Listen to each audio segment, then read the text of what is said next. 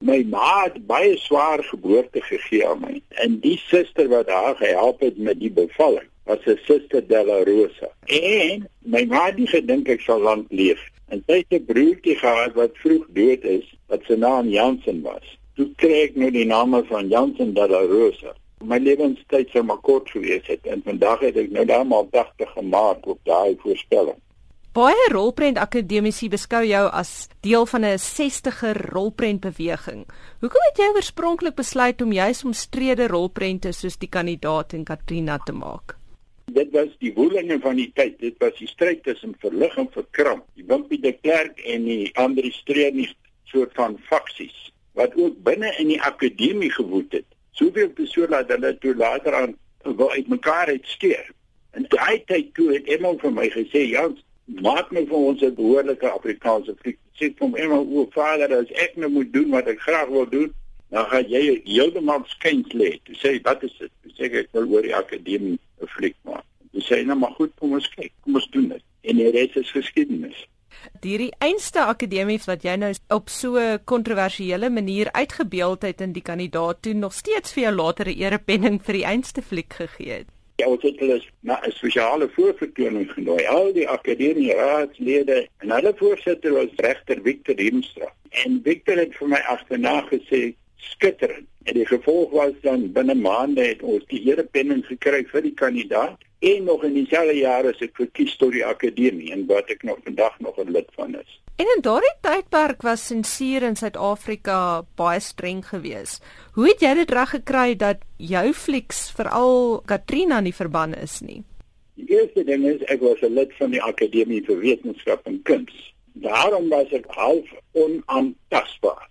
Reg sê ministeraat vir my op die stadium sê Jans, jy weet nie hoeveel druk het ons oor jou binne in die akademie training. En die tweede ding was ek het baie goeie vriende gemaak met die nuwe beeld onder die redakteurskap van Skou Pinaar en ook beroemde ander soos Rykie van Reenen, Wayne Grooskop en Pon Forsloo en hulle het my saak beveg. Hulle het as ware nog voor Katrina by die sensoraad uitgekom en alreeds Sondag vir Sondag vir Janie Kreer wat die voorsitter was, gedreig durf jy net aan hierdie film raak. Daarna het jy Jannie Totsiens gemaak. Nou Jannie Totsiens word deur baie akademici beskou as Suid-Afrika se eerste avant-garde rolprent, maar dit lyk vir my of die meeste Afrikaanse gehore dit glad nie verstaan het nie. So hoekom het jy besluit om so 'n tipe surrealistiese kunsfliek te maak? Ja, dit is 'n baie goeie vraag. Ek het net wie sê vandag nog bestaan die meeste Afrikaanse gehore nie vir Jannie Totsiens. En dit is nie vir my 'n probleem nie. Jannie Totsiens was die voorspelling wat ek gemaak het vanuit ons Afrikaans sprekende wit mense. Ons het onsself omring deur 'n malheid wat uitgebeeld was in die karakters, byvoorbeeld die Hitler figuur met die snorretjie wat Don Lennart gesê het hy het 'n trein opgeblaas en sy broer was op daai trein gewees. Dit was die voorspelling van die hele terblaans bekrampte beweging wat nog sou kom. En die intellektuele van die dag was stom Hulle het nie gepraat nie.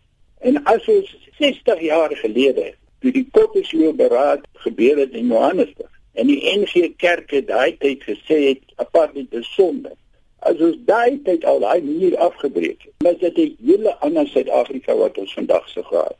Het ons geliefde Afrikaanse breinmense wat dieselfde kultuur, dieselfde taal, dieselfde God wat het ons so ver gekom dat ons hulle in ons boesem ontvang dat hulle saam met ons in die kerkbank sit het dit het dit nou al gebeur Een van die uitdagendste tonele wat jy seker nog ooit vervilm het, is die toneel waar 'n bruin baba gebore geword het in Katrina. Dit was apartheid. Hoe het jy dit reg gekry? Nee, Adamarie, jy moet net weet dat as jy jonk is, sien jy kans vir alles. En dit is die bodem van jong wees en jong skepend wees you tread where angels fear to move. Maar ek sê vir jou, dit was die era toe John Foster met sy magtige dik stem die volk vertel het. Dis 'n daai tyd. Mag net wit mense in hotelle geslaap het of gebly het of geëet het. En ons het daar in die Avalon Hotel in die tuine in die Kaapstad gewoon. En die handvol nie wit werkers wat saam met ons daar was, moes in die sogenaamde traveler boys rooms bly. Nou ja, dit was al klaar vir my 'n ewige hekel en ek het nou uit my pad uit gegaan om hulle te help. Maar toe kom ons nou dat die baba moet gebore word in die enigste plek waar ons die swanger moeder wat op die punt was om geboorte te gee, maar daar was nie 'n oomblik wat ons kon bepaal nie, waar ons haar kon huisves met 'n dokter wat dan by haar sal wees en vir ons sal laat weet die oomblik as sy gaan geboorte gee. En dit kon ons net in die hotel doen. 12 ure in die nag het ons haar haar man en haar familie ingesnokkel in die hotel in in twee kamers. En daar het ons 'n familie van 13 vir 3 jaar gehuisves totdat die geboorte geplaasgevind het.